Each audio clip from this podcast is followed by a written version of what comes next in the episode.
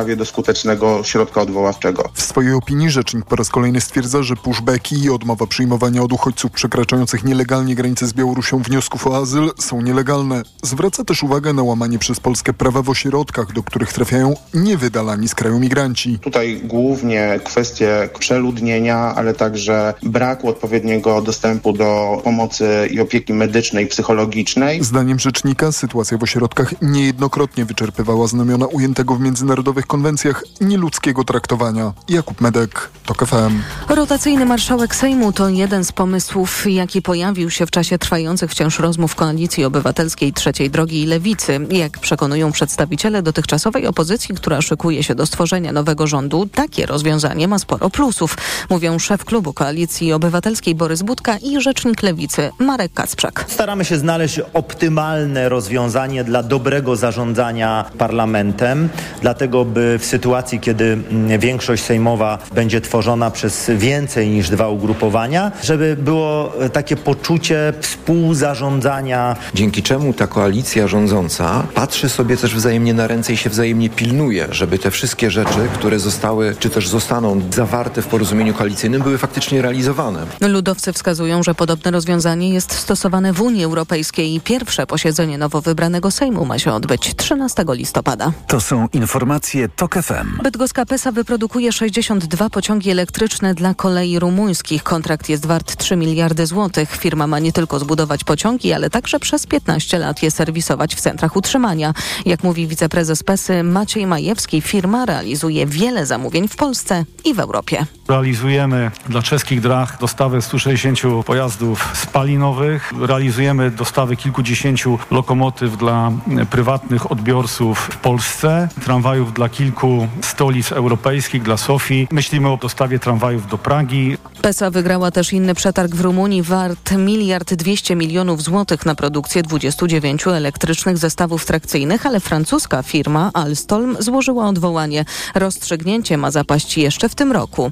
Kolejne informacje w TOK FM o 9.20, a teraz jeszcze prognoza pogody.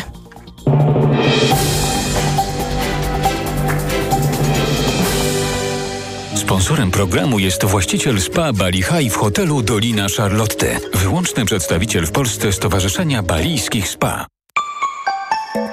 Pogoda.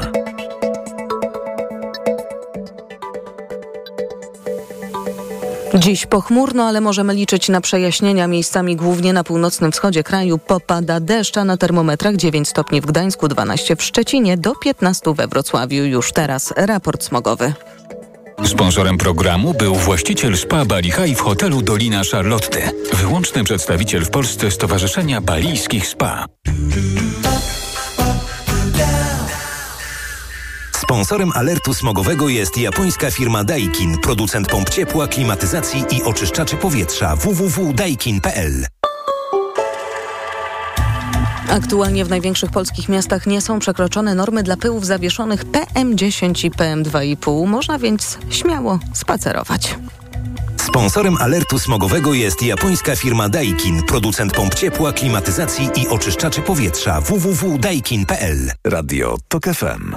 Pierwsze radio informacyjne. Reklama. Dziś w cyklu Zyskaj Wsparcie moim gościem jest Tomasz Niewola, dyrektor bankowości inwestycyjnej w mBanku. Zielona transformacja nabiera rozpędu. Jak swoją rolę w tym procesie postrzegają banki? Inwestowanie w odnawialne źródła energii oraz ochronę środowiska jest dla nas bardzo istotne. Dostarczamy kredytów dla spółek projektowych, organizujemy emisję zielonych obligacji, znajdujemy partnerów wkładających własny kapitał do takich projektów. Przykładowo mBank w ubiegłym roku przeznaczył ponad 600 milionów złotych na finansowanie farm wiatrowych i fotowoltaicznych. Wyemitował zielone obligacje o wartości 275 milionów i przyznał ekokredyty hipoteczne o wartości ponad 300 milionów złotych. Jakie firmy są zainteresowane w pierwszej kolejności finansowaniem OZE? Mamy dużą grupę firm w Polsce, które napędzają rynek energii odnawialnej, dostarczając zieloną i coraz tańszą energię z wiatru i słońca. Drugi rodzaj to przedsiębiorstwa, które dzięki inwestycjom w odnawialne źródła energii chcą zagwarantować sobie większe bezpieczeństwo energetyczne. Fakt, że działają na bazie zielonej energii jest coraz ważniejszy także dla ich odbiorców i klientów indywidualnych. Więcej informacji znaleźć można na www.mbank.pl w zakładce MSP i korporacje.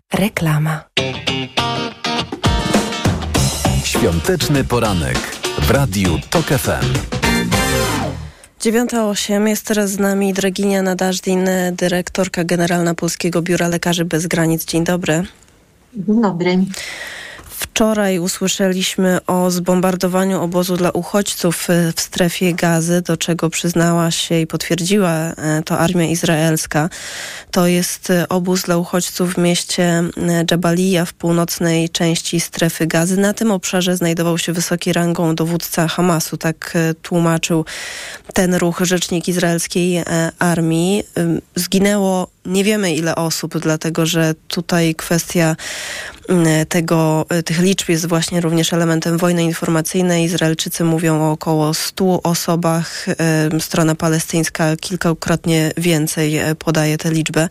Według Pani wiedzy, jak to mogło wyglądać? Jak bardzo gęsto zaludniony, zabudowany jest to obszar? Sama Żabalia ma ponad, miała ponad 150 e, tysięcy e, mieszkańców. Obóz się znajdował na, znajduje się na północ od miasta, natomiast e, część ludzi oczywiście przeniosła się w międzyczasie do, do, do innych miejsc w gazie, poszukując schronienia, którego niestety nie ma.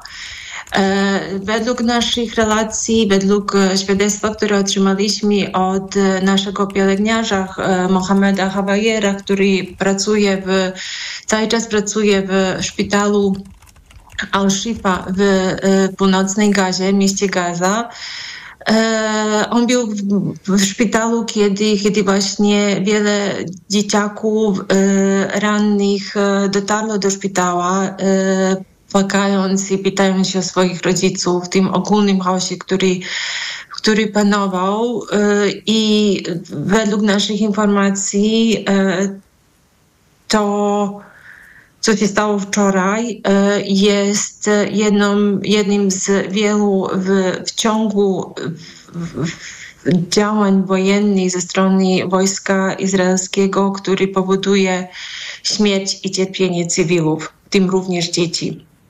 Dlatego lekarze bez granic domagają się e, natychmiastowego zawieszenia broni. Jak wygląda sytuacja, jeśli chodzi o, o, jakąkolwiek opiekę medyczną e, w strefie gazy? Czytałem u Państwa na stronie, że brakuje e, środków przeciwbólowych, że nawet operacje się bez znieczulenia przeprowadza. E, brakuje, brakuje środków do znieczulenia, brakuje środków do oczyszczania ran, e, brakuje również coraz bardziej takich podstawowych, e, podstawowych rzeczy, które są niezbędne do funkcjonowania szpitali, tak jak paliwa do generatorów, które produkują prąd, jak również czystej wody, wody do picia. To, na co musimy też zwrócić uwagę, jest e, fakt, że e, szpitale w tym momencie są nie tylko miejscem, do którego trafiają osoby ranne, chore, ale również miejscem, gdzie wiele osób e, przybywa, mając nadzieję, nadzieję że, że szpital, chociażby szpital nie zostanie ostrzelony i zniszczony, tak jak to miało miejsce z bud e, budynkami mieszkalnymi. Niestety tutaj też dochodzi do, do, do e, zniszczeń. Natomiast z naszego punktu widzenia to, co jest ewidentnie, to jest to, że szpitale są po prostu przepełnione i e, brakuje wszystkiego. Sytuacja, która jeszcze przed 7 października e, była bardzo trudna ze względów e, humanitarnych, w tym momencie jest po prostu katastrofalna. Jak wygląda sytuacja właśnie jeśli chodzi o e, taką, no, dostęp do wody, ale też e, czy tam nie może dojść do wybuchu, nie wiem, jakiejś epidemii, tego typu rzeczy, kiedy mamy do czynienia z sytuacją, gdzie właśnie brakuje tak bardzo wszystkiego? E, ja muszę zaznaczyć, że w tym momencie my nie jesteśmy w stanie monitorować ogólną e, sytuację dotyczącą właśnie e, zdrowia mieszkańców Gazy ze względu na, na to, że sami też nie możemy się normalnie poruszać. Tak jak te, i, i nie możemy normalnie pracować tak, jak pracowaliśmy wcześniej. Natomiast po pierwsze mamy już wiele świadectw o tym, które mówią o brakach dotyczących e, e, żywności. Problem jest z wodą pitną. E, sami nasi pracownicy kiedy się ewakuowali z północy Gazy na południe, to, to też mówili o problemach ze znajdowaniem wody pitnej. Istnieją już od początku sygnalizowaliśmy to, że te warunki, które zaistniały ze względu na zniszczenia, ze względu na zniszczenia infrastruktury, brak zaopatrzenia, zarówno w żywność, jak, jak i podstawowe środki medyczne i, i brak wody pitnej, to wszystko są warunki, które e, w wielu miejscach e, powodują właśnie różnego rodzaju choroby i, i, i dodatnie utrudniają funkcjonowanie ludzi, gdzie oczywiście dzieci E, osoby z niepełnosprawnościami, osoby starsze, które nie mogą się poruszać, e, są narażone wyjątkowo na tego typu, tego typu e, skutki. Plus oczywiście wszyscy mieszkańcy Gazy w tym momencie są oczywiście narażeni na ogromne na, na ogromną traumę i, i spowodowaną ciągłym bombardowaniem, niepewnością, brakiem wiadomości o tym, co się dzieje z ich najbliższymi, brakiem łączności też, regularnej łączności ze światem zewnętrznym, ale przede wszystkim z zupełnym brakiem bezpieczeństwa. Armia izraelska y, w pewnym sensie uprzedza cywilów i mówi o tym, żeby się ewakuować z danego terenu. Y, ale czy to w ogóle jest realne z wedle Pani wiedzy w strefie gazy, żeby na przykład właśnie z północy, która jest y, dużo mocniej atakowana, żeby stamtąd uciec? My od samego początku zaznaczyliśmy, że ewakuacja takich e, e, placówek jak medycznych, jak szpitale po prostu jest e, niemożliwa w sposób odpowiedzialny ze względu na to, że wiele pacjentów są w takim stanie, że ich ewakuacja jest po prostu niemożliwa. Ponadto Ponadto, ponadto cywile również znajdują się w bardzo różnej sytuacji. Drogi są e, też uszkodzone, e, brakuje paliwa, więc ewakuacja cywilów i e, przybicie na południe dla wielu z nich jest niemożliwa po prostu psychicznie, fizycznie. Natomiast e, druga rzecz, która też bardzo źle e, bardzo źle, bardzo źle oddziałuje na wiele osób, to jest też to, że w momencie, kiedy już na początku, po tych pierwszych ultimat, ultimata, które wpadli ze strony izraelskiego wojska, e, część ludzi ewakuowała się na południe Gazy. Tam również dochodziło i dochodzi do, e, do, do działań wojskowych e, i bombardowań, więc nie możemy powiedzieć, że, że ci ludzie, którzy zdecydują się na ewakuację do, do tych obszarów południowych są bezpieczni. Jako lekarze bez granic w Polsce otwieracie zbiórkę na potrzeby gazy. Proszę powiedzieć, w jaki sposób planujecie pracować i jak można Was wesprzeć, jeśli e, ktoś się na to zdecyduje? E, na, otworzyliśmy zbiórkę dedykowaną właśnie na pomoc gazy e, ludziom w regionie. To jest, to jest nasza wspólna globalna inicjatywa ponieważ nasze działania będą skoordynowane z, z e, wszystkimi oddziałami lekarzy na, bez granic na świecie, które, które, które przekażą tą pomoc. 29 e, października udało się przywieźć do Egiptu na, z, samolotem e, Światowej Organizacji Zdrowia 26 ton pomocy. Jest to pomoc teraz skoordynowana przez e, egipski Czerwony Półksiężyc. Natomiast my również na granicy z Egiptem czekamy ze swoim e, zespołem, który jak tylko będzie taka możliwość, e, wjedzie do Gazy i zastąpić obecny zespół e, międzynarodowy, wesprzeć ludzi na miejscu i oczywiście planujemy dostarczać kolejne środki, kolejną pomoc w postaci środków medycznych i innych e, produktów, które są niezbędne pomocy humanitarnej, e, zakładając również, że ta pomoc będzie potrzebna przez bardzo długi czas. I jak technicznie można Was wesprzeć? Może nas wesprzeć na stronie pomagam.pl. Tam jest nasza zbiórka właśnie poświęcona pomocy dla strefy gazy. Można płacić e, drobną albo jakąkolwiek darowiznę, którą, którą człowiek sobie może, na którą możemy sobie pozwolić i, i przede wszystkim można też śledzić nasze wiadomości, bo jednym z bardzo ważnych momentów jest też to świadectwo, które dajemy dzięki temu, że e, współpracownicy pracownicy Lekarzy Bez Granic są na miejscu. Dziękuję bardzo. Draginiana Dażdin, dyrektorka generalna Dziękuję Polskiego bardzo. Biura Lekarzy Bez Granic. Dziękujemy. 9.19 na zegarach. Świąteczny poranek w Radiu TOK FM. Reklama. Film, który mądrze uczy o wartościach. Kajtek Czarodziej. Adaptacja uwielbianego dzieła Janusza Korczaka. Trzeba myśl połączyć z sercem. Kajtek Czarodziej. Zaczaruje Was od 3 listopada tylko w kinach.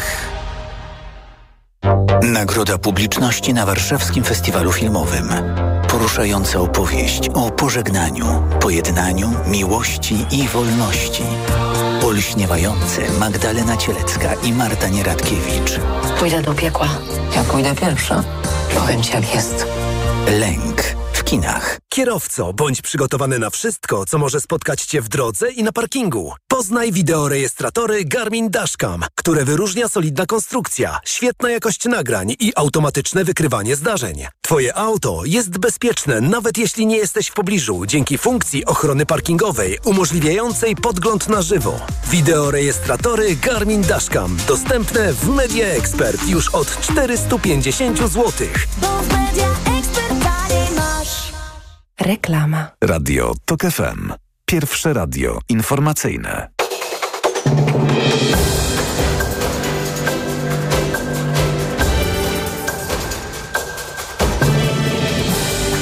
Dochodzi 9.21. Anna Draganek-Weiss, zapraszam. 75 wypadków, w których zginęły cztery osoby. To policyjne dane z dróg z wtorku. W wypadkach rannych zostało 76 osób. Policjanci złapali też 199 nietrzeźwych kierowców. W piątek do Izraela pojedzie sekretarz stanu USA Antony Blinken. To jego kolejna podróż na Bliski Wschód. Blinken w Izraelu ma spotkać się z członkami izraelskiego rządu. Ponad 12 miliardów dolarów tyle Amerykanie wydadzą na tegoroczne obchody Halloween. To rekordowa kwota. Przeciętny konsument wyda ponad 100 dolarów na słodycze dla dzieci, przebranie i okolicznościowe ozdoby do domu i ogrodu. Tak wynika z danych Federacji Sprzedawców. Więcej w informacjach TOK FM o 10. Radio TOK FM. Pierwsze radio informacyjne. Świąteczny poranek w Radiu TOK FM. A w naszym studio Marcin Święcicki. Dzień dobry. Dzień dobry pani, dzień dobry państwu. Były poseł, były prezydent Warszawy, przewodniczący Społecznego Komitetu Opieki nad Starymi Powązkami imienia Jerzego Waldorfa. I o tej słynnej nekropolii teraz będziemy rozmawiać wspominając również inne, nie mniej e, znane. Czym dla Warszawy są Stare Powązki? No to jest y, miejsce pochówku wielu wybitnych warszawiaków, ale również wybitnych Polaków, bo to przecież była stolica. Mm, y, Poza tym miejsce szczególne, bo tam jest bardzo wiele rzeźb i szczególnej wartości. Y, Wybitni polscy rzeźbiarze y, tworzyli te rzeźby. Piękne kaplice, piękne drzewa. To jest właściwie taki najwspanialszy park z rzeźbą na otwartym powietrzu i z tymi wspaniałymi nazwiskami osób tam pochowanych. Także jest specyficzna i, i atmosfera, i nastrój. No najwspanialsza polska nekropolia mm, przez prezydenta Komorowskiego wpisana na listę pomników historii e, razem z innymi cmentarzami powązkowskimi, bo tam są przecież cmentarze również ewangelicki, żydowski. Także to jest nasz, po- pomnik naszej historii. Ale to jest tak, że ym, tam na Powązkach można spotkać się właśnie w pewnym sensie, no, no realnie spotkać się z osobami z historii, takie mam wrażenie, że to jest taka wędrówka przez historię Polski. E, Tak, jak się chodzi po Powązkach i się czyta nazwiska na tych na nagrobkach, to rzeczywiście są tam i, i, i pisarze, i dziennikarze, i działacze społeczni, i historycy, i przemysłowcy, mm, artyści.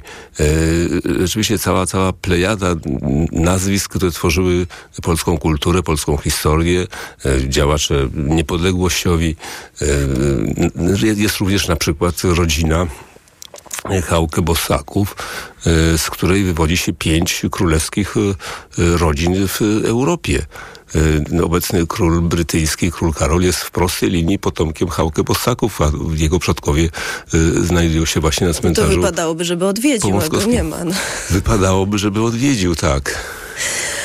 Ale Czytałam Pana wspomnienie o tym, jak w latach 70. wędrował Pan samotnie po starych powązkach i to były czasy, kiedy powązki dużo bardziej niż teraz wymagały jeszcze opieki i e, przywrócenia świetności. Jak to było właśnie z powązkami wcześniej? No, jak, jak powiedzieliśmy, to była najwspanialsza, najwspanialsza polska nekropolia z tymi wspaniałymi rzeźbami i pomnikami, ale te rodziny, które te pomniki fundowały, tworzyły, one albo wymarły, albo zbiedniały, albo wyemigrowały. No w każdym razie nie było ich stać na utrzymanie tych wspaniałych dzie dziejów sztuki. Poza tym pewne zniszczenia przyniosła również II wojna światowa na Powązkach. W związku z tym no, trzeba było jakoś to ratować. I dyrektor Muzeum Narodowego, profesor Stanisław Lorenz, usiłował zdobyć środki, mówimy jeszcze o czasach PRL-u, w Ministerstwie Kultury, ale ono jakoś nie było wtedy zainteresowane ratowaniem cmentarza katolickiego i zwrócił się do Jerzego Waldorfa, żeby zorganizował komitet społeczny, który by się tym zajął mówiąc jemu, że to będzie drugi po Zamku Królewskim taki obiekt w Warszawie wymagający właśnie opieki. Że zamku też wtedy nie było, ale profesor Lorenz był wielkim zwolennikiem odbudowy zamku. No i Jerzy Waldor zabrał się za to bardzo energicznie. Musiał, musiał uzyskać pozwolenie władz kościelnych oczywiście. Musiał jakoś uzyskać pozwolenie władz PRL-owskich, że, że to jest inicjatywa no, nie, nie zagrażająca ustrojowi. No i wreszcie musiał też pozyskać zaufanie szerokiej publiczności, żeby chciała takie datki dawać na ten cmentarz. I w związku z tym wpadł na pomysł, żeby to byli aktorzy warszawscy, których ludzie znają, cenią, szanują. Sprytnie. Tak, tak, tak to wymyślił. Mm. I to wszystko zaskoczyło. Rzeczywiście komitet powstał. Kwestia wrosła w taki obyczaj warszawski, wręcz obowiązek towarzyski. No, ludzie chętnie przychodzą i dawać, i, i zbierać. Ale to była pierwsza taka kwestia w Polsce, bo takie kwestie są teraz popularne. Absolutnie pierwsza.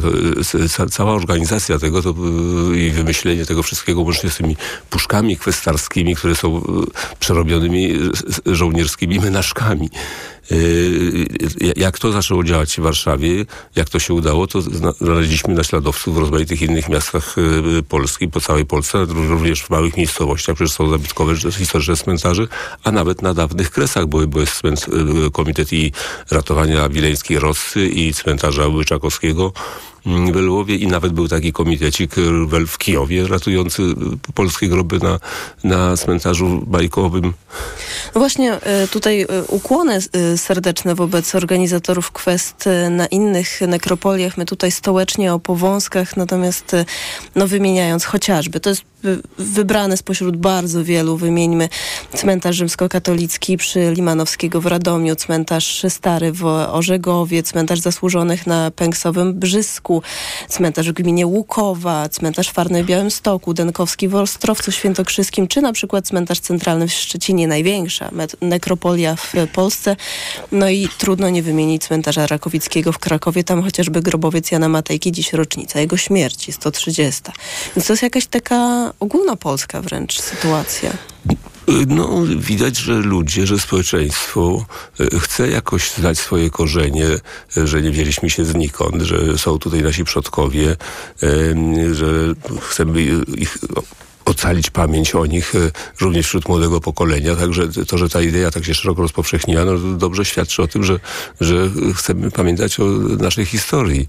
A jakie były początki y, powązek? Początki no, było tak, że kiedyś chowano zmarłych przy kościołach. Były takie, również w Warszawie były cmentarze, na przykład Świętokrzyski, jakieś inne. W samym centrum współczesnym. absolutnie w samym centrum Warszawy. To jest no skrzyżowanie Mieli Plater i tak, obecnie tak, tak, gdzie, absolutnie gdzieś tam. Sam, tak. się sam centrum Warszawy. I, I ówczesne władze w końcu wydały takie no, zakaz chowania ludzi właśnie w, w środku miasta. Już wtedy też to, to, to już było, zaczynało być miasto. To nie tylko w Polsce, to, to, było i we Francji, gdzie indziej zaczęto cmentarze wyznaczać im tereny na y, gdzieś peryferiach. I wówczas Powązki był takimi peryferiami i Szymanowski, który miał tam swoje własne grunta, przeznaczył część ich na, na cmentarz warszawski. Początkowo nawet to nie był taki, na samym początku, nie był taki prestiżowy cmentarz. On się stał nim szybko w, w trakcie XIX wieku. Mm, potem był wielokrotnie powiększany. W końcu obejmuje obszar teraz 44 hektarów, czyli tyle co państwo Watykan. Mm, czasami to są problemy z numeracją, ponieważ jak dochodziły te nowe e, fragmenty, nowe tereny, to ta numeracja jakoś musiała być kontynuowana, ale nie zawsze to dobrze jakoś wyszło. Także czasami można się tam zgubić, dlatego są wszędzie mapki, które rozdajemy. Mm, no i w tej formie cmentarz już istnieje już od, od, od, od kilkudziesięciu lat. Znaczy już, już w czasach powojennych już nie był powiększany, już jest w obrębie tych murów, które były wyznaczone wcześniej. Sąsiadujemy z cmentarzem żydowskim, ale również na Pomskach są te inne cmentarze, właśnie, właśnie ewangelicko-reformowany, e, tatarski cmentarz. E, jest ta najstarsza część i jest oczywiście cmentarz już jest w tej chwili pełny, ale można zawsze pochować w istniejących grobach, jeśli jest to rodzina, jeśli ktoś ma e, uprawnienia, to załatwia to z zarządem cmentarza. Ale to było tak, że od początku on był pomyślany jako taki cmentarz e, no, elitarny w pewnym sensie, dla najbogatszych, dla najwybitniejszych? Nie był tak pomyślany, dopóki nie zaczęli e, rzeczywiście arystokraci i elity ówczesne zaczęły, zaczęły się tam pierwsze pochówki. To była pierwsza połowa XIX wieku i wtedy dopiero stał się takim cmentarzem e, jakby elitarnym, czy, czy no, najbardziej szanowanym, a poza tym no, był ten zakaz na tych cmentarzach przy parafiach, przy kościołach. E, także też siłą rzeczy trzeba było gdzieś e, tych ludzi chować e, i w związku z tym te Powązkie no, stały się takim cmentarzem dopiero, dopiero z czasem. A Powązkie przetrwały wojnę w większości, prawda? W większości przetrwały ale raz, że były bombardowania e, Warszawy przez e, samoloty sowieckie i tam trochę było le lekkie zniszczenia. E, po drugie Niemcy umieścili tam na cmentarzu swoje stanowisko artyleryjskie i ono też spowodowało pewnego rodzaju zniszczenia. No a po, po, trzecie, to może nie powodowało zniszczeń, ale cmentarz również służył za, za, za kryjówkę dla żołnierzy AK, dla, dla, dla chowało się tam broń w grobach, e, także też e, taką funkcję cmentarz odgrywał. Ale głównym, głównym czynnikiem niszczącym było to, że te rodziny nie były w stanie utrzymać tych wspaniałych nagrobków. Właśnie o sztuce chciałam z panem porozmawiać. E, te nagrobki, rzeźby, często bardzo bogato zdobione, to zupełnie inaczej niż współcześnie się do tego podchodzi. Jakie wiem, style możemy zobaczyć, kto dzisiaj pójdzie na powązki? jakich artystów? E, co by pan nam mógł powiedzieć o tym? E, no więc są tam wybitni e, polscy artyści, którzy tam tworzyli. No, Jakub Tatarkiewicz, uczeń Torwald Sena, Mm, jest Szymanowski Wacław, ten, który e, pomnik Chopina zaprojektował, również są tam jego rzeźby. E, jest, e, są, są architekci, jest Bolesław Syrewicz, wybitny rzeźbiarz, który bardzo wiele pomników nagrobnych postawił. Józef Pius Dziekoński, Andrzej Pruszyński, Mm, ale również są ci bardziej współcześni y, rzeźbiarze, którzy w okresie międzywojennym, czy po II wojnie światowej mają tam swoje dzieła zostawione. Y, Jerzy Jarnuszkiewicz, Tadeusz Łodziany, y, Ksawery Dunikowski, Henryk Kuna, Barbara Zbrożyna. Mm, także są, jeśli chodzi o style państwa, to, to jest i taki neogotycki, i klasycystyczny, i bardziej współczesne rzeźby, najrozmaitsze. Znaczy, dominuje styl klasyczny oczywiście tych rzeźb. Oprócz tego mamy wspaniałe kaplice. Y, przepraszam, y, no, wielkich naszych założycieli naszego przemysłu, czy naszej bankowości, y, Blocha, Kronenberga, Niedawno żeśmy odnawiali wspaniałą kaplicę Psztajnów. Ona nie tylko jest piękna na zewnątrz, ale również w środku jest bardzo gustownie i powiedziałbym wyposażona. Szkoda, że nie można ich zwiedzać w środku tych kaplic i kapliczek. E, tak, także mamy tam najrozmaitsze e, style reprezentowane Teraz e, inaczej się robi nagrobki. Teraz e, nowoczesność znaczy prostota. Już e, trudno chyba zobaczyć takie bogato zdobione grobowce, prawda? Trochę szkoda może. Trochę szkoda, trochę szkoda. To była rzeczywiście robota no, wyjątkowa, koronkowa robota. Również rzeźba, na przykład roboty w metalu. Tam są piękne ogrodzenia, piękne bramy, zwieńczenia, czy jakieś takie strzeliste mm, pomniki również z elementami metalowymi. Jest nawet specjalizacja wśród konserwatorów. Jedni się specjalizują bardziej w rzeźbie w kamieniu, drudzy właśnie w ratowaniu tych zabytków y, metalowych. E, faktycznie, jak się, jak się chodzi po Powązkach, to zupełnie inne wrażenie niż jak się chodzi czasami po jakichś innych cmentarzach wiejskich, czy takich współczesnych cmentarzach, e, gdzie jest taka pewna sztampa, pewne, pewne pod, rząd ileś tam pomników takich samych. E, I, i, to, i tak, że nie Od jednego nie, kamieniarza, który ma Od jednego kamieniarza, który ma swoje tam dwa czy trzy wzory i według tych wzorów robi te, te pomniki już z nazwiskami tych osób, które jeszcze żyją, ale, ale tylko trzeba datę śmierci wpisać. Więc to jest zupełnie inne wrażenie niż, niż tutaj na Powązkach. Poza tym są bardzo ciekawe, rozmaite epitafia, jakie rodziny e, wypisywały, żeby upamiętnić, żeby wspomnieć e, swoich bliskich, którzy tam zmarli. Mm, nasi konserwatorzy czasami muszą prowadzić całą taką pracę detektywistyczną, żeby, żeby te stare epitafium, które zostało zatarte, litery zniszczone, żeby je odzyskać. I bywały takie przypadki, że w czasopismach, znajdowali w czasopismach z XIX wieku e, jakiś nekrolog, jakieś wspomnienie o danej osobie i odnajdowały te, te napisy, które tam potem można było odtworzyć na grobie, bo został jakiś maleńki fragmencik, mm. ale można było, widać było, że to jest właśnie ten napis, że to o to chodzi. Więc to jest troszeczkę czasami praca taka detektywistyczna yy, nad odtworzeniem tego, jak to naprawdę było. To yy, ja nie jestem z Warszawy i pamiętam, że kiedy pierwszy raz byłam na Starych Powązkach, to zrobiło to na mnie ogromne wrażenie. To pozwolę sobie na taką e, osobistą e, dygresję, ale po to, żeby pana poprosić o taki rodzaj, e, nie wiem, mikroprzewodnika dla osób, które dzisiaj na przykład pierwszy raz się będą wybierały na stare powązki, to gdzie się wybrać? Ile zniczy ze sobą zabrać, żeby dla każdego wybitnego się e, znalazło? Kto, jak, jak tam spacerować? Jak, I czy w dzień, czy w nocy? O właśnie. Yy, no wieczorem. I, jedno i drugie jest mm, interesujące. Z niczego trzeba by zabrać chyba całą ciężarówkę, y, bo jak się idzie, co chwila są jakieś groby znanych nazwisk. Ja, ja bym radził zacząć od bramy y, świętej Honoraty. Mm, to jest brama. Legionistą, tak? Znaczy to jest druga brama y, obok kościoła wystawiona przez y, y, warszawskiego kupca, który stracił swoją żonę, honoraty i dla jej upamiętnienia zafundował tą, tą wspaniałą bramę z takim rycerzem stojącym rzymskim.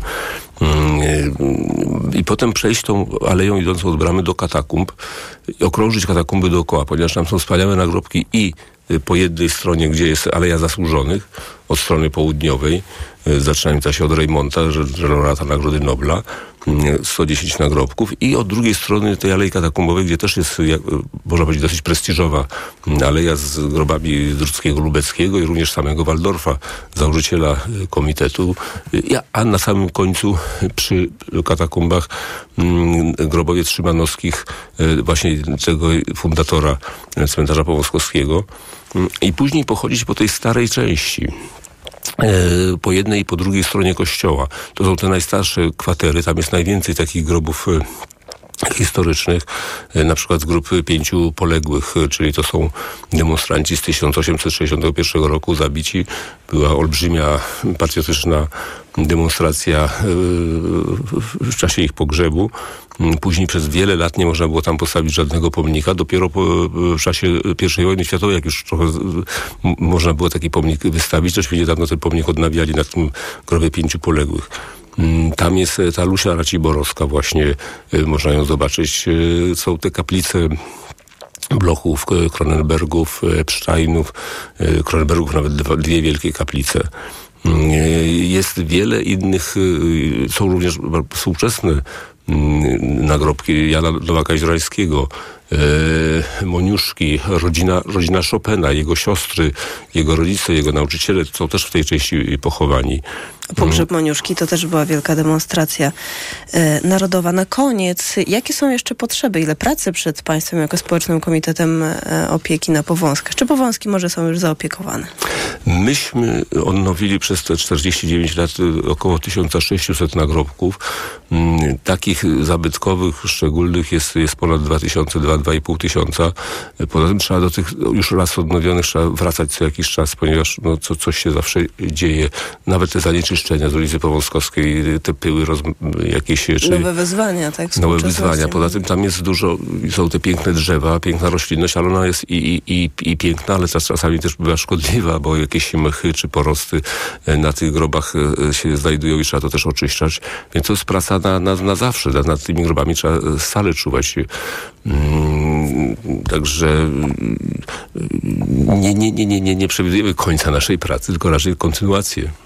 Bardzo dziękuję za wizytę w studiu i za całą Pana Państwa pracę. Marcin Święcicki, były poseł, był prezydent Warszawy, przewodniczący Społecznego Komitetu Opieki nad Starymi Powązkami imienia Jerzego Waldorfa. Do widzenia Państwu i zapraszam dzisiaj jeszcze na Powązki, do, do wieczora zbieramy. 9.39, pora na skrót informacji.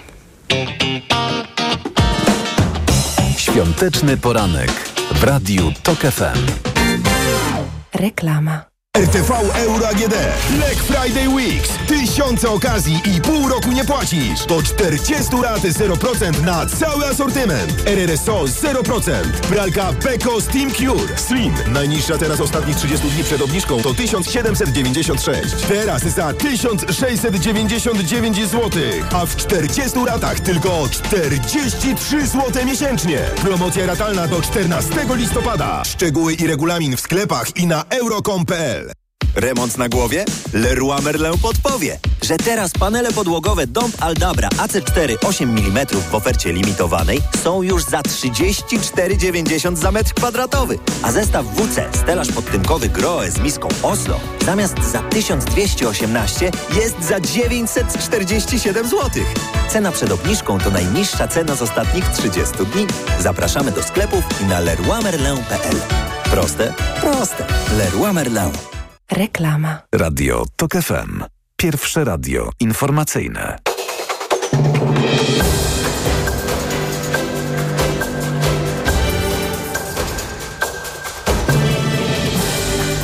Minęła 9.40. Anna Draganek-Weiss. Zapraszam. Strażacy od kilkunastu godzin próbują ugasić pożar składowiska tekstyliów w Kamieńcu w województwie pomorskim. Na miejsce ma przyjechać specjalna grupa ratownictwa chemicznego, która będzie monitorowała stan powietrza. Dziś wszystkich świętych władze polskich miast zachęcają, by odwiedzając groby bliskich korzystać z komunikacji miejskiej, bo w okolicach cmentarzy może być tłoczno. Ulice wokół polskich cmentarzy są dziś jednokierunkowe. Obowiązuje też świąteczna, tymczasowa organizacja ruchu. Kolejny sprawdzian przed Hubertem Hurkaczem. Polak dziś po południu zagra w drugiej rundzie turnieju ATP w Paryżu. Jego rywalem będzie Hiszpan Roberto Batista Agut. Więcej w informacjach TOK FM o 10. Radio TOK FM. Pierwsze radio informacyjne. Świąteczny poranek w Radiu TOK FM. A w naszym studio pani Maria Kubara. Dzień dobry. Dzień dobry, dzień dobry wszystkim. Z Wydziału Nauk Ekonomicznych Uniwersytetu e, Warszawskiego, ze Szkoły Doktorskiej. Ja miałam przyjemność oglądać e, panią Marię Kubarę na TEDx Uniwersytetu e, Warszawskiego, gdzie opowiadała pani w sposób bardzo zajmujący o swoich badaniach, o znaczeniu lokalizacji biznesu dla jego potencjalnego sukcesu, szczególnie startupów, ale również o swojej diagnozie. Jest pani osobą ze spektrum autyzmu, o nieneurotypowości, o tym, jak się z tym funkcjonuje w społeczeństwie i jak społeczeństwo jako całe może być zorganizowane w ten sposób, żeby wszystkim było e, łatwiej. To są bardzo ważne e, tematy, oba szalenie cenne. Spróbujemy je teraz połączyć, tak jak pani to zgrabnie zrobiła na swoim e, wystąpieniu. Najpierw o diagnozie. Jak to z panią jest, e, jeśli chodzi o nie kontakty społeczne, kiedy się pani zorientowała, że pani jest nie wiem, szczególnie trudniej i że to może być właśnie związane z, ze spektrum? O, jeżeli chodzi w ogóle o moją diagnozę, to jest taki dość, em, dość długi i trochę taki no, nie powiem może trudny, ale taki trochę skomplikowany temat dla mnie, e, bo e, to generalnie wynika po prostu z tego, że jakby ja swoją diagnozę dostałam dopiero w wieku 23 lat, kiedy ja sama zaczęłam jakby jej szukać. E, wpadłam na to, że to może być spektrum w ogóle przez TikToka. O proszę. Czyli TikTok potrafi być pozytywny tak, również. potrafi być pomocny, ale to jest trochę związane z tym, co mówiła Michelle Obama, że po prostu brakuje nam historii opowiadanych przez kobiety i naszych doświadczeń, żeby po prostu zobaczyć, jak to rzeczywiście bywa u nas i czy są ludzie podobni do nas. Tak? I dla mnie TikTok był taką platformą, że się dowiedziałam, o, o, te dziewczyny mówią o mnie. To są moje doświadczenia. E, I okazuje się, że tak naprawdę nie jestem kosmitką, tylko po prostu są inni ludzie, którzy mają podobnie. E, I inne kobiety przede wszystkim, bo kobiety, kobiety na spektrum działają trochę inaczej. I są później diagnozowane, tak, prawda? Tak, tak. Ze względu na to, że jesteśmy wychowywane właśnie w ramach takiej grzecznej dziewczynki. Ja jeszcze sobie bardzo dobrze radziłam w szkole, e, A, więc, no to idealnie, więc tak. idealnie, tak? Zero problemów, tylko czemu ja nie rozumiem, dlaczego ludzie robią takie rzeczy, a nie inne i czemu popełniam jakieś dziwne gafy, em, mimo że ogólnie radzę sobie przecież w życiu całkiem nieźle. Mówi Pani o tym, że czuła się kosmitką właśnie, póki Mhm. nie zorientowała się, że inni czy inne może mają e, podobnie. To znaczy, jak się Pani czuła? Ech, To jest trochę coś takiego jakby, y, ja jestem osobą inteligentną, tak się też, e, tak się też czuję. I bardzo często miałam właśnie takie sytuacje, kurczę, rozumiem bardzo dużo rzeczy, jestem w stanie zrozumieć matematykę, czemu nie rozumiem, dlaczego ludzie w tej chwili się śmieją, albo czemu w tej chwili powiedziałam coś i wszyscy patrzą na mnie dziwnie, a to było, wynikało z moich najlepszych intencji. I nie wiem, tak?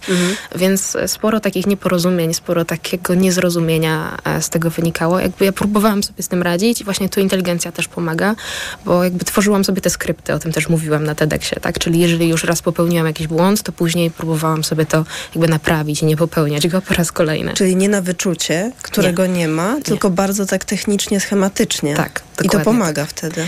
To znaczy, to pomaga się dostosować do społeczeństwa i to na pewno pomaga w rozwoju też kariery zawodowej i przejściu przez ścieżkę edukacji. Czy to pomaga e, tak osobiście? No niekoniecznie. Ja przypłaciłam właśnie to maskowanie też e, długim epizodem depresyjnym. Mhm. E, I to też jest częste wśród kobiet w spektrum. Bo to jest wypieranie? To jest takie cały czas powiedzmy granie e, człowieka, który sobie Granie w dobrze grę radzi. reszty Tak. społeczeństwa. Tak, dokładnie Neurotypowych tak, Dokładnie zwanych. tak. A diagnoza co zmieniła w Pani życiu, w Pani myśleniu?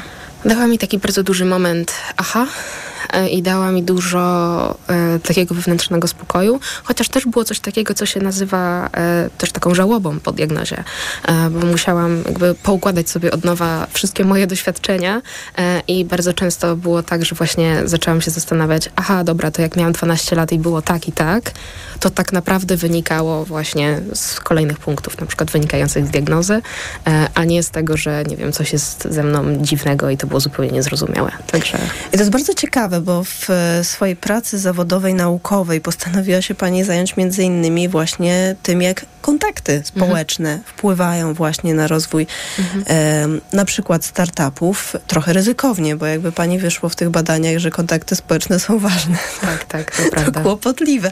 To jak to było, jak się Pani, e, jakie pytania sobie Pani postawiła, jakie odpowiedzi się pojawiły?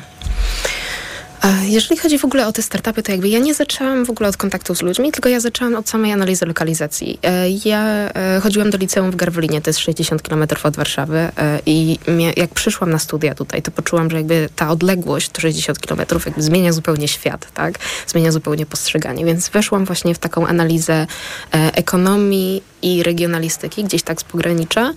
No i później zaczęłam szukać sobie dalej tego tematu, tak, czyli właśnie lokalizacja biznesu i tak dalej. I tak przyszłam też do startupów. Sporo z moich znajomych też e, jakby zakładało startupy, e, więc też jakby byłam w ramach te, takiego środowiska. Mm, No i właśnie ta lokalizacja plus startupy, no gdzieś z tego właśnie wyszedł taki temat badawczy. No i później się okazało, że właśnie te kontakty społeczne to jest coś, co tak też dotyka mnie osobiście. Że te kontakty społeczne pomagają na przykład startupom? Tak, tak, zdecydowanie tak. Jak to się dzieje? Bo E, powinny się podgryzać wzajemnie w zasadzie. Tak, to prawda. I to było, było właśnie jedno z takich głównych moich e, pytań badawczych. Em, ja realizuję swoje badania też w ramach diamentowego grantu i też jakby wiem, że ten temat e, był po prostu interesujący dla tego ciała rozdającego granty, więc też się z tego cieszę. Em, jakby temat jest taki, w jaki sposób lokalizacja w ramach miasta wpływa na szanse przetrwania. No i właśnie to jest takie pytanie. Czemu startupy w centrum się lokalizują akurat tam, a nie Drogo? na przykład tak, gdzie jest bardzo drogo, a na przykład e, czemu się nie lokalizują na przykład na Wawrze, tak, że po prostu mają tą lokalizację warszawską, ale poza tym jakby żyje im się lepiej.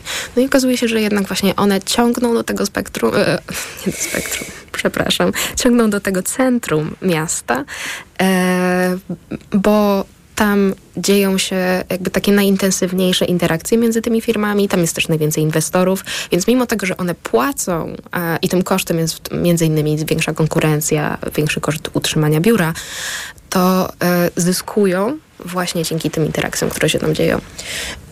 I czy wiedza o tych interakcjach, że one pomagają, spowodowała, że i pani stało się łatwiej wchodzić w takie interakcje, smoltoczki, kawki? Bo mówiła pani o tym na TEDxie, że to było dla pani trudne Mhm. bardzo. Kawka, y, Tak, smoltoczek, czyli, czyli o czym w zasadzie rozmawiamy? Zresztą to, to jest trudne nie tylko dla osób ze spektrum Mhm. autyzmu. To duża część osób w ogóle nerwowo reaguje na tego typu Mhm. sytuacje. No ale jednak okazuje się, że to coś właśnie może pomóc. Mhm. Y, I, I pani jakoś to wdrożyła w życie? Oj tak, czy to mi pomogło, żeby to było dla mnie łatwiejsze? To nie wiem, już bym się tak nie galopowała, e, ale na pewno zrozumiałam, że to jest bardzo, bardzo ważne. E, I jakby dane do mnie mocno przemawiają, więc e, jakby wcześniej mi też mówili, no tak ważne, wszyscy mówią, networking jest istotny, żeby mieć te kontakty, żeby rozmawiać z ludźmi. No okej. E, Ale za miękko, tak? Bo tak, mieć tak, dane. tak, tak. Mhm. Więc jakby mając te dane, widząc, że też dla tych startupów to działa, mimo że one powinny tam gdzieś umierać w tym centrum, to one żyją i jest im lepiej, e, no to właśnie sobie e, poukładałam to w głowie, że kurczę, no jakoś się muszę tego nauczyć, bo inaczej będę sporo tracić. To nie było łatwe, e, ale właśnie też, tak jak mówiłam na, na moim wystąpieniu, opracowałam sobie taki skrypt, który mi pomaga po prostu przetrwać takie sytuacje i on się sprawdza. Jest taki w punktach? Tak, on jest w punktach, jak najbardziej. Jak on powstał, No to... pani ściąga. Nie, nie, nie. To jakby sporo rzeczy zapamiętuję, szczególnie jeżeli to są te moje skrypty e, utworzone właśnie pode mnie. E, one siedzą mi po prostu w głowie i sobie go odpalam. E, to już się dzieje coraz bardziej automatycznie, więc też dzięki temu jest mi coraz łatwiej przeprowadzić taką rozmowę. E, Ale ona sprawia pani przyjemność? Ludzie są bardzo interesujący e, i ja bardzo lubię rozmawiać z różnymi ludźmi, bo to jest dla mnie zawsze takie. e, Bardzo mnie to po prostu inspiruje, jak się dowiaduję e, o różnych perspektywach. Problem jest właśnie, jak zacząć, jak przełamać to takie moje zestresowanie. zagadać, tak? tak, dokładnie. Jak się odnaleźć w tej sytuacji, która nie ma struktury. I to mnie właśnie trochę tak wybija z rytmu. Ale jak już mam tą strukturę, wyrzucam sobie to e, e, tak, żeby po prostu przetrwać, rozpocząć ten kontakt, to później tak, później to sprawia mi przyjemność. Tylko właśnie ten pierwszy moment jest Mhm. zawsze stresujący. To jest w ogóle e, szalenie ciekawe i imponujące. Słuchając Pani historii na tym krótkim wystąpieniu, ale właśnie pełnym informacji, od czego Pani zaczynała i gdzie Pani teraz jest. Raz, że będąc naukowczynią, e, dwa, e, stojąc na tej scenie, na TEDxie, Mhm. co dla osób e, neurotypowych również jest gigantycznym stresem i siedząc tutaj w radiu. Jak się to Pani udało? Hmm. Tymi schematami właśnie? Schematami. Celem może? E, tak, celem też. E, ja na TEDx też poszłam, po pierwsze dlatego, że zawsze marzyłam, żeby po prostu być na tej scenie i też z TEDxów, jakby TikTok był tym pierwszym punktem zaczepienia, ale też z TEDxów dowiedziałam się bardzo dużo właśnie też i o tym, jak się kontaktować z ludźmi, o właśnie e, i i o samym spektrum. I uczyłam się angielskiego też na TEDxach, e, no nie ukrywajmy, bardzo często to jest To wykorzystywane. mówią, tak. Mhm. Tak. No i właśnie marzyłam, żeby tam stanąć kiedyś, tak, kiedyś w przyszłości. Więc jak było to zaproszenie, to z niego skorzystałam. I później jak em, mieliśmy takie szkolenia ze storytellingu, właśnie było, że te historie przyciągają wtedy, kiedy e, jest w nich taki wątek osobisty, co też mnie trochę zbiło z tropu, no bo dane powinny przemawiać do ludzi, no ale tak nie jest. Dziwnie ci neurotypowi. trochę tak. No ale dobrze, przyjęłam to yy, i właśnie też poczułam, że to jest super połączenie i ono może być właśnie interesujące pomiędzy tą moją historią, a tymi moimi badaniami. Yy, I też właśnie sobie pomyślałam, jeżeli już tam stanę na tej scenie, to też chcę zadbać o reprezentację. Yy, nie, nie, chodzę z naklejką na czole, jestem spektrum, ale jeżeli ktoś mnie o o to zapyta, to się do tego jak najbardziej przyznaję. bardziej ze względu na to, żeby po prostu inne kobiety też jeżeli też są w spektrum, albo jeżeli to podejrzewają, też żeby miały po prostu um, no, trochę więcej informacji, że tacy ludzie są. Tak, mhm. tak. Albo po prostu jakiś taki, mm, no reprezentację, tak? Chodzi o tą reprezentację. A jak pani odbiera mm, to, w jaki sposób osoby ze spektrum, osoby, osoby nieneurotypowe, jak się teraz mówi, mhm. y, są w przestrzeni publicznej pokazywane jako dziwacy, czy nie? Bo to, ja mam wrażenie, że są takie dwa nurty, że z jednej strony właśnie albo dziwacy, albo mhm. może agresywni, bo nie wiadomo mhm. jak się zachowają, albo geniusze, tak? Mhm. Niedostosowani społecznie, tak, tak. przynajmniej do tego e, świata, w jaki mm, klasyczne społeczeństwo skonstruowało, ale geniusze wszystko pamiętają. Mhm. Zawsze to jest jakieś takie wykrzywione, nie?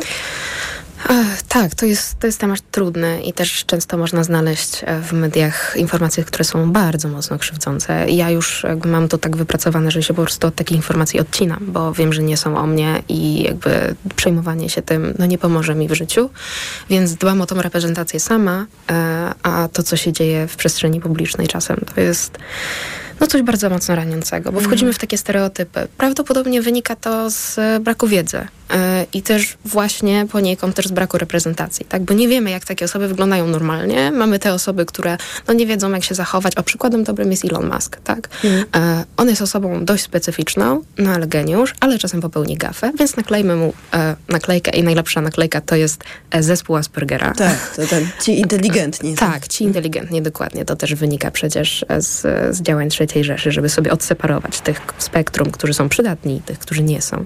Więc też to określenie nie jest... No, to z tych czasów jest, tak, wiedziałam. Tak, tak, tak, dokładnie. No, Asperger współpracował tam na, z badaniami nad takimi osobami, dlatego no ta, ta, naklejka też sporo mówi, tak? Więc naklejamy sobie na taką osobę właśnie zespół Aspergera, więc no, ona może popełniać jakieś gafy, ale ogólnie jest super.